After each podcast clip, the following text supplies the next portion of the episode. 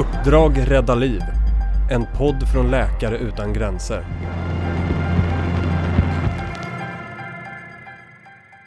Ungefär 215 miljoner människor smittas varje år och över 400 000 dör i sjukdomen och då mest barn under fem år.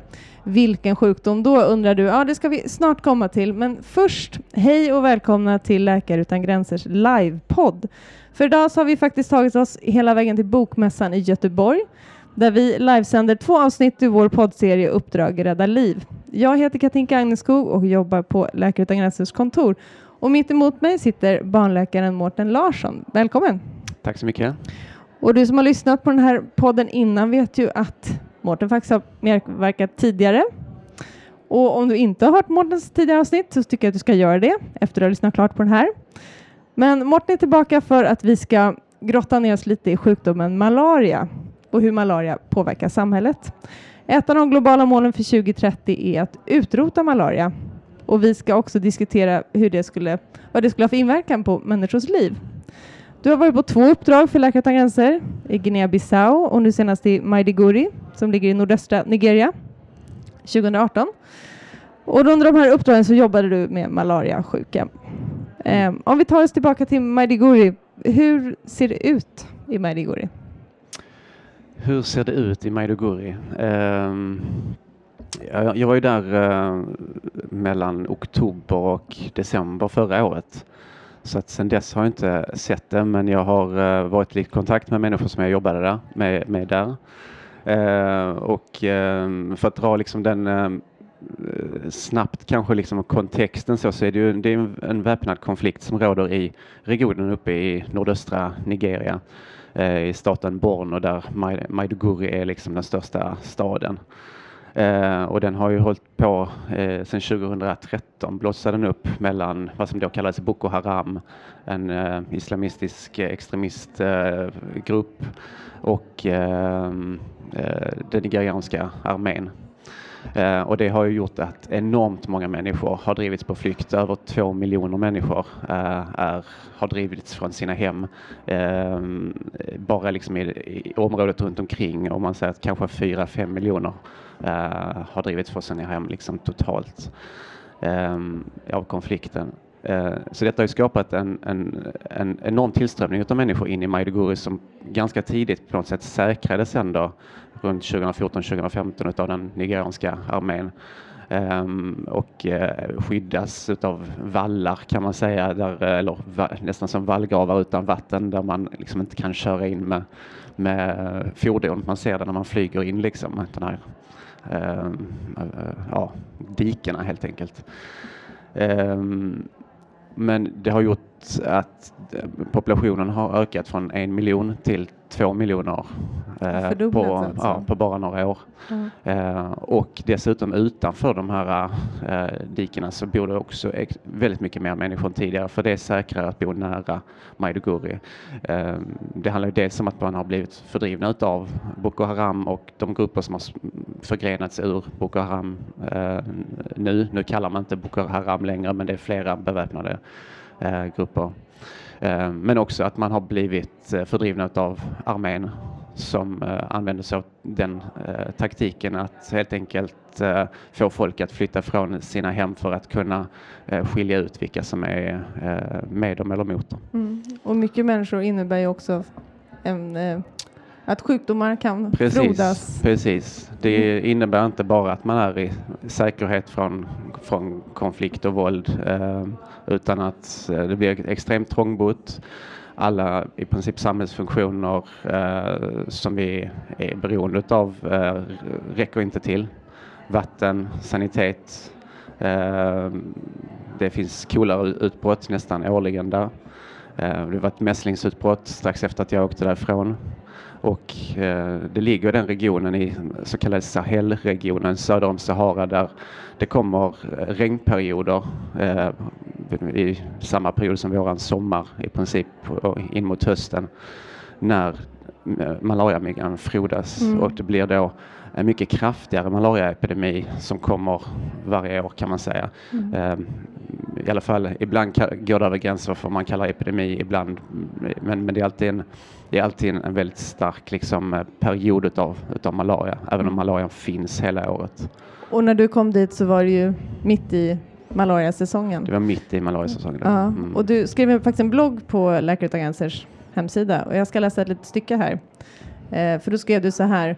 Det är högt tryck på sjukhuset vid den här tiden och patienterna väller in och många är i mycket dåligt skick. En förmiddag i vår akutmottagnings fem stabiliseringsbritsar fyllda av 13 patienter från en månad till 14 år gamla. Nästan samtliga är medvetslösa, krampande, svårt andningsstörda eller i cirkulatorisk chock. Hur är det att arbeta under sådana här förhållanden? Ehm, det är ju jättetufft såklart. Ehm, det var väldigt tufft att komma ner eh, mitt i när det var som, som värst. Ehm, för att det tar en liten tag att ställa in sig liksom på bara intrycken. Uh, och sen så måste man försöka hitta sin, sin roll. Vad, vad, är det, vad är det jag ska göra här? Uh, mer än att bara betrakta. Uh, min roll där var egentligen att, att handleda och, och liksom hjälpa till att förbättra flödena i dem. på, på sjukhuset, det är ett barnsjukhus som låg i en del av Maiduguri som är där det bor mest människor och som är som mest trångbott. Men där vi tog emot patienter från, från egentligen hela Maiduguri eh, som tog sig dit på olika sätt. Eh, men det ehm, eh, det är svårt att ge ett kort svar på hur, på hur det är att jobba där. Men ja. det, det lustiga är att man ganska snabbt vänjer sig. Mm. Och att vänjas, man måste nog göra det för att kunna strukturera upp och vara effektiv. Um, och även om det kommer upp väldigt mycket känslor och väldigt mycket obekvämhet så eh, finns det hela tiden så himla mycket att göra så att man springer från det ena till det andra. Eh, så man hinner under dagen egentligen väldigt sällan reflektera över vad eh, allt hemskt som man ser. Mm. Om vi återvänder nu till malaria. Vad är malaria? Om du ska ge en kort beskrivning. Eh, malaria är en parasitsjukdom som sprids av eh, vissa typer av myggor som trivs bäst i varma klimat. Det är därför som det är som, som värst kring eh, ekvatorn kan man säga och eh, en bit upp och en bit ner i, i världen. Vi har haft malaria tidigare i Sverige men inte, inte längre. det visste inte jag. Det har vi. Men uh, det är en annan typ av, den, uh, av malaria, en annan typ av myggor än de som finns uh, idag. Um, och det är en sjukdom som, kan, som drabbar många. alla blir inte jättesjuka, men om man inte får behandling så kan man bli jättesjuk. Hur, hur, behandlar man malaria? Man behandlar i lättare fall med tablettbehandling i tre dagar alla eh, som är från den här regionen i Afrika som bor där någonstans där man får, där det finns eh, okej okay sjukvård. De, när de får feber så går de till läkaren, tar ett snabbtest. Ja, det var malaria, får en tre dagars kur och sen så är det bra. Symptomen man har känt då är kanske ungefär som en influensa eh, utan, eh, utan snuvan. Egentligen med huvudvärk, lite illamående, Uh, ont, i huv ja, ont i huvudet och kanske lite ont i magen, feber naturligtvis, ont i kroppen. Mm. Um, allmänt dåligt mående. Mm. Sen um, får man en allvarligare form av malaria som oftare drabbar mindre barn som inte har ut, hunnit utveckla lite immunitet. För man får lite immunitet varje gång man drabbas av malaria så blir det inte lika farligt nästa gång. Ungefär som med våra uh, virusinfektioner eller så också. Um, och då behöver man, kan man behöva läggas in på sjukhus för att eh, stötta vad vi kallar vitala funktioner, alltså att man kan behöva vätska för att få uh, en bättre, bättre blodtryck. Man kan uh, uh, behöva syrgas för att man inte andas tillräckligt bra och då behöver man också malariamedicin i blodet. Och många gånger så drabbas man av bakterieinfektioner samtidigt och då kan man behöva antibiotika också. Mm. Eh, Det är också vanligt att man små barn som blir svårt sjuka malaria, de, eh, och i den här regionen framförallt är det vanligt med, med att man har ett lågt blodvärde. Det, mer än 50 procent av barnen i, i den här regionen har ett lågt blodvärde normalt när de är, om man säger så inom situationstecken friska. Så när de får malaria och malariaparasiten infekterar de röda blodkropparna som bryts ner, vilket är det man får febertopparna, så sjunker blodvärdet ytterligare. Och det är blodet som transporterar syret till cellerna och då när det inte kan göra det längre så blir man svårt sjuk. Man behöver blod. Eh, och att kunna ge blod är A och O eh, många gånger när man ska behandla svår malaria. Mm. I de globala målen som är antagna av FN så är ett av delmålen som vi sa ut, utrota smittsamma sjukdomar. Och för malarians del så handlar det om att minska både förekommandet och dödligheten med 90 procent till 2020. Hur realistiskt låter det i dina öron? Eh, precis, eh, 2030 tror jag det var. 2030, ja, tack. Precis. um, ja, ehm, just nu så tror jag inte att det låter helt realistiskt faktiskt. Ehm, jag läste WHOs malariarapport från förra året där man ser att från 2015 och fram till nu så har egentligen inte malarian eh, minskat globalt sett. Eh, och då ska man vara ner på f- 75 procent från 2015 års nivå är liksom delmålet då till 2020. Eh, och det man ser när man liksom kollar på varför det är sådär så, så ser man att i, i de länderna där det finns mest malaria så ökar malarian. Eh, I alla länder utom ett och det är Indien, där, där minskar det. Men de har inte gjort Ehm. enorma insatser de senaste åren kring malaria. Ja, och mycket av min, man har sett väldigt mycket minskning men nu kanske det har kommit till en punkt där man måste titta på mer specifikt var är det malarian inte minskar och vad kan vi göra där? Och det man ser då är att det är framförallt länder i Afrika söder om Sahara eh, som många gånger har mycket andra problem också än bara malaria. Eh, många gånger så handlar det om stater som antingen inte har resurser för att kunna göra den bekämpning och fullfölja de, de eh, åtgärder som man vet har effekt. Eh, ibland handlar det om stater som kanske på grund av eh, olika politiska och, och, och andra konflikter inte tar det ansvar som man faktiskt har. Eh, och dels handlar det om att vi som, eh, som världssamfund har ett ansvar att stötta eh, de staterna med att eh, kunna uppnå de här åtgärderna. Och det gör vi inte. Vad skulle Ehm. krävas? Nu är kanske det är svårt att ge Ja, en kort lösning, men eh, Precis, ut- utifrån liksom, om man kollar på rapporter så är det väl eh, ekonomiskt sett är det ju mer pengar. De eh, resurser som man har sagt att man behöver för att kunna uppnå de här eh, utvecklingsmålen till 2030 eh, så har man bara fått fundings för 50 procent av det för att kunna uppnå just malariamålet. Så att där fattas ju pengar helt enkelt. Eh, Alla världens länder har åtagit sig att, att lägga åtminstone 0,7 procent av sin, utav sin budget på att liksom ge bistånd och det gör väldigt få länder. Sverige är ett av dem som gör det faktiskt. mm, Ehm, på lokal nivå är väl det som jag själv har erfarenhet utav att se och det ehm, i Maiduguri var det väldigt tydligt att det krävs att man satsar på, på primärvården. Ehm, vi var ett sjukhus som låg i Maiduguri, det är det, det största, om man säger så, barnsjukhuset i Maiduguri. Då finns det ändå ett universitetssjukhus som i Maiduguri också. i stan. Men det kostar pengar att gå dit. När jag var där, när vi hade 170-180 patienter inneliggande, så hittade jag kanske ett 20-25 barnpatienter på universitetssjukhuset. Så folk sö- söker inte vård för man inte har möjlighet. För man inte har Och betala. pengar. Precis. Ja.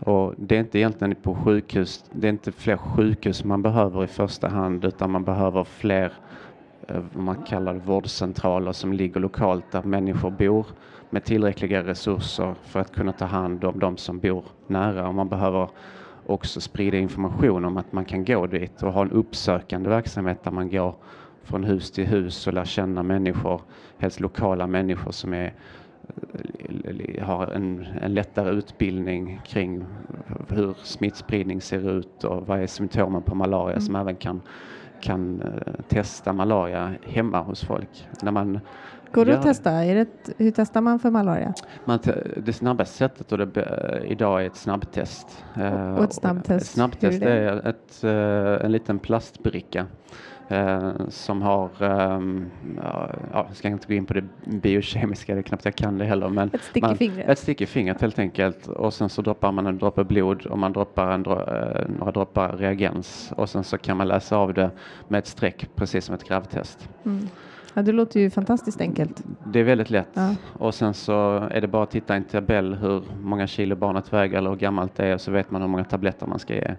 Eh, det är alltså fullt möjligt och det görs på många ställen att man utbildar så kallade community health workers. Att, att eh, just göra sådana här snabbtest och behandla malaria ute i byar där det inte finns bra tillgång på sjukvård eller i, i områden i städer där det, där det är eh, ja, där det inte finns heller ehm, många vårdcentraler. Men i, i Maiduguri fungerar detta dåligt, vilket är, var lite plågsamt att se för att det var väldigt många biståndsorganisationer och FN-organ som var, som var där. Ehm, och då är det extra smärtsamt när man ser barn som kommer in och har haft feber i fem, sex dagar eh, och bara har gått och fått alternativ örtmedicin hos eh, områdets eh, äldre Mm. man eller gått till ett apotek eh, och köpt eh, icke-funktionell antibiotika och paracetamol som bara fördröjt behandling. Ja. För jag läste en artikel i veckan från Svenska Dagbladet att, eh, där det stod att malaria är den sjukdom som väntas öka mest till följd av klimatförändringar. Mm. Ska vi oroa oss för malaria igen i Sverige?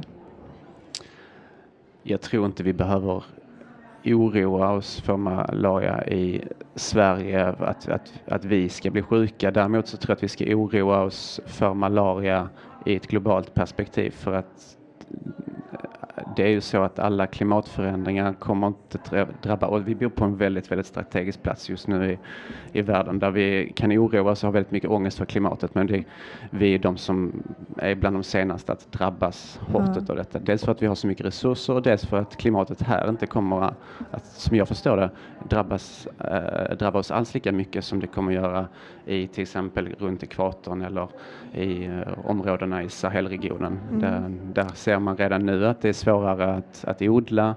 Eh, Det finns mindre, det är svårare att eh, hitta bete för, eh, för eh, boskapen.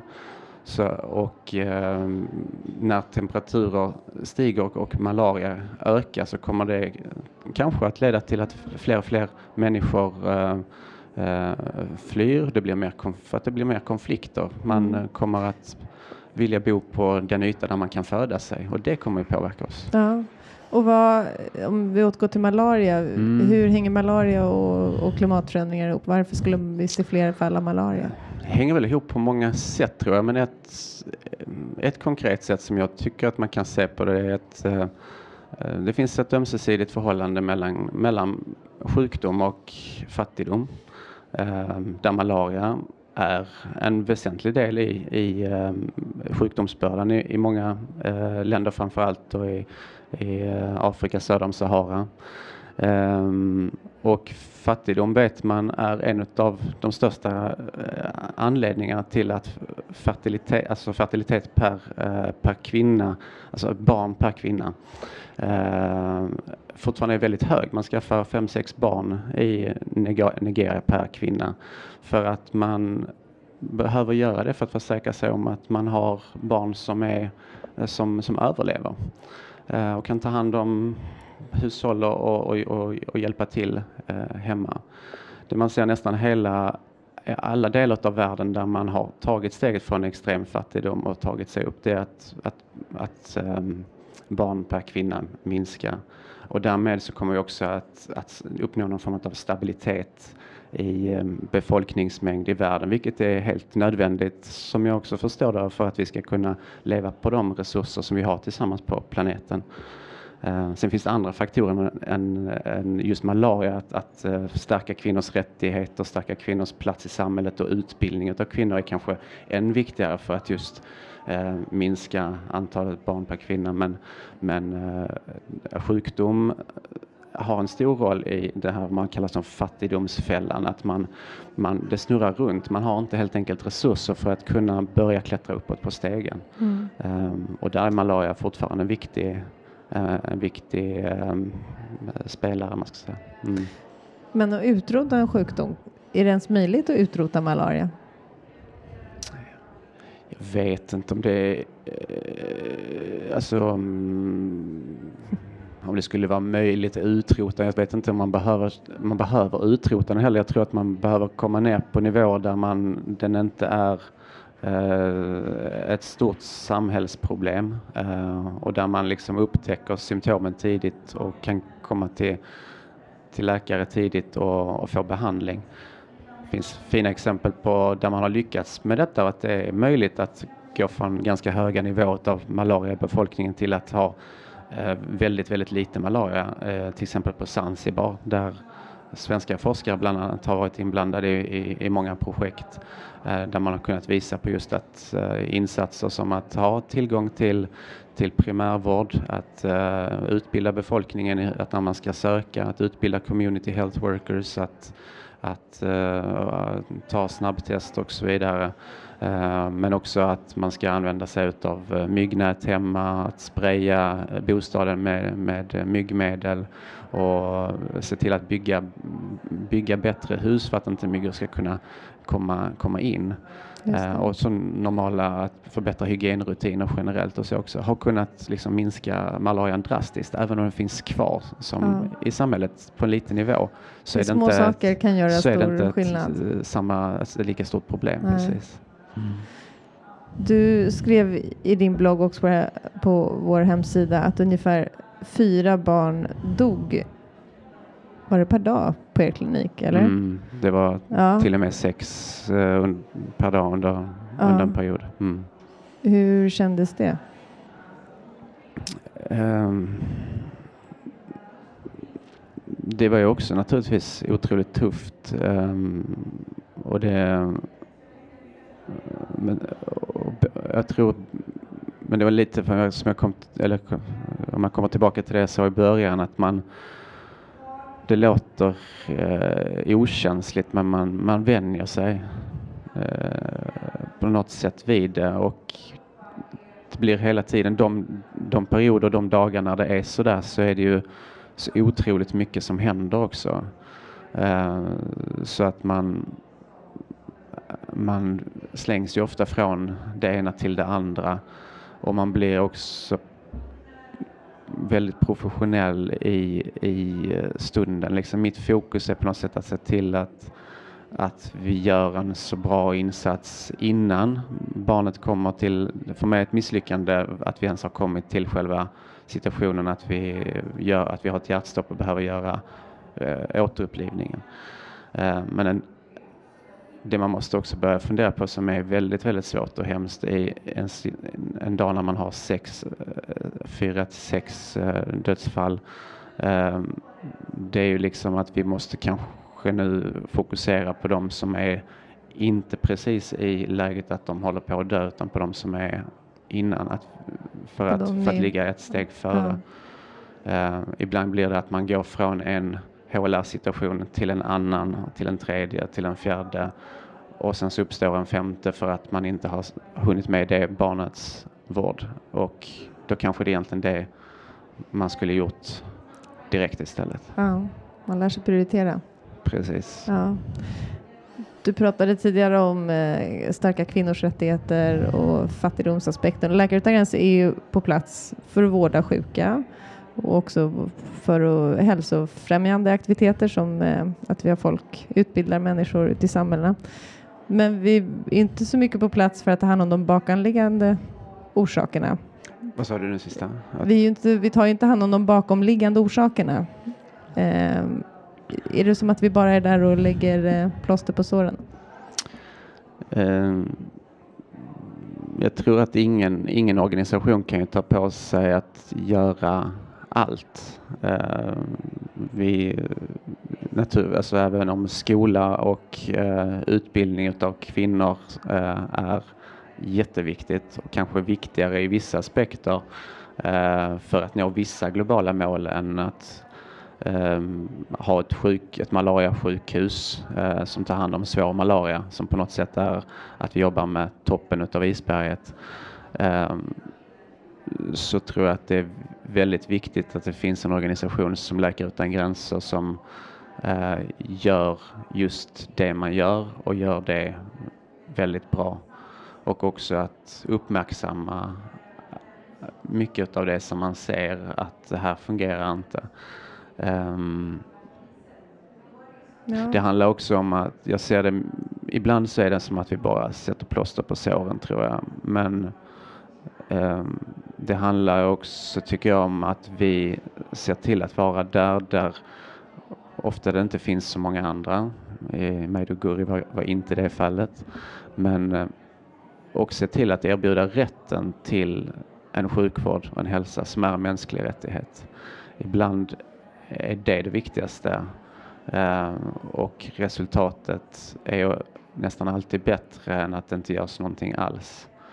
Um, sen kan man alltid försöka se vad det, vilken roll man har i det stora, det stora spelet men um, um, jag mm. tror att, att erbjuda rätten till, till sjukvård mm. är jätteviktigt. Och sen jobbar vi ofta, vi är väldigt många lokalanställda. Jag vet att det är framförallt en person som du har eh, mm. berättat för mig om tidigare som är en eh, undersköterska. Mm. Ja, du tänker på Buka som ja. jag tror att jag skrev lite om också när jag ja. Eh, bloggade från Maiduguri. Precis. Buka var en, en fantastisk person eh, som jag lärde känna eh, på sjukhuset Maiduguri som eh, eh själv eh, hade varit flykting i internflykting i i Bornon när hans eh, by som ligger ut, en, kommer inte ihåg det var 10-15 mil utanför Maiduguri blev attackerad. Um, och uh, han flydde därifrån uh, bokstavligen liksom uh, i ett kulregn utan någonting medan kläderna på kroppen, splittrades från sin familj, hamnade så småningom i ett flyktingläger i Maiduguri och var då eh, utbildad eh, eh, undersköterska sedan ett par år tillbaka från Maiduguri. Och efter ett tag så blev han han hade ingenting att göra där och var väldigt, blev deprimerad såklart av allting som hade hänt. Eh, men blev kontaktad av en, ehm, en eh, kollega som var läkare som jobbade på Läkare utan gränsers kolerasjukhus och visste att han var en, en jäkel på att sätta intravenösa eh, infarter. Sätta nålar? Sätta nålar, ja. precis. Så då, fick han, då bad han honom att komma dit så då, då jobbade han där i Eh, ett par månader tills att de upptäckte att han inte stod med på lönelistan. Alla hade trott att han var anställd men det var han inte. Mm. Han hade bara gått dit varje dag och ja. gjort det, det han skulle göra. Ja. Uh, och sen dess jobbar han för MSF. Idag är han uh, en av de skickligaste uh, såromläggare som jag har jobbat med uh, och ja. lägger om ett 20-30-tal ibland väldigt svåra omläggningar per, per dag. Ja, ja det om något är ett sätt också att stärka, mm, mm. stärka samhället. Och nu är man ju mitt uppe i malariasäsongen mm. igen i Maiduguri. Ja, mm. ja. Vad tänker du något om det? Um, jag pratade faktiskt häromdagen med ett par kollegor därifrån uh, som är fortfarande kvar, uh, som är nigerianer. Ehm, och de, uh, det var glädjande att höra att vissa saker faktiskt uh, är lite bättre i år. Kanske är det en lite lättare säsong. Det finns en variation över hur, hur tufft det blir. Ehm, de hade lite bättre resurser på sjukhuset i år, lite mer personal, ehm, lite bättre lokaler. Så att de var inte lika trötta som vid samma period när jag kom dit förra året. Ehm, dödligheten var lite lägre nu eh, detta året jämfört med förra året. och eh, det var kul att höra att en del av de förbättringsåtgärder och så som vi hade varit med och startat tillsammans då faktiskt fortfarande fungerade. Där vi hade, hade skapat en intermediärvårdsavdelning som man behövde för att kunna ge syrgas åt alla som behövde och det fungerar fortfarande. Så det var kul att höra. Sen eh, har tyvärr säkerhetssituationen verkar som att den har blivit lite sämre den sista tiden, i, även inne i Maiduguri. Um, och det är ju såklart oroande på, på sikt. Mm. Mm. Tack Mårten för att du eh, ville komma förbi oss på Bokmässan där vi alltså livesänder det här avsnittet från Göteborg. Fler poddavsnitt hittar du under Uppdrag Rädda Liv på Soundcloud, Soundcloud, iTunes, Spotify, Acast och andra ställen där poddar finns. Du har hört Uppdrag Rädda Liv, en podd från Läkare Utan Gränser. Podden gjordes av Katinka Agneskog och Björn Udd. Ansvarig utgivare är Oliver Schultz. Tack till Roll the Dice och Peder Mannerfelt för musiken. Vill du höra fler avsnitt? Du hittar dem där poddar finns eller på www.lakareutangranser.se nyheter poddar.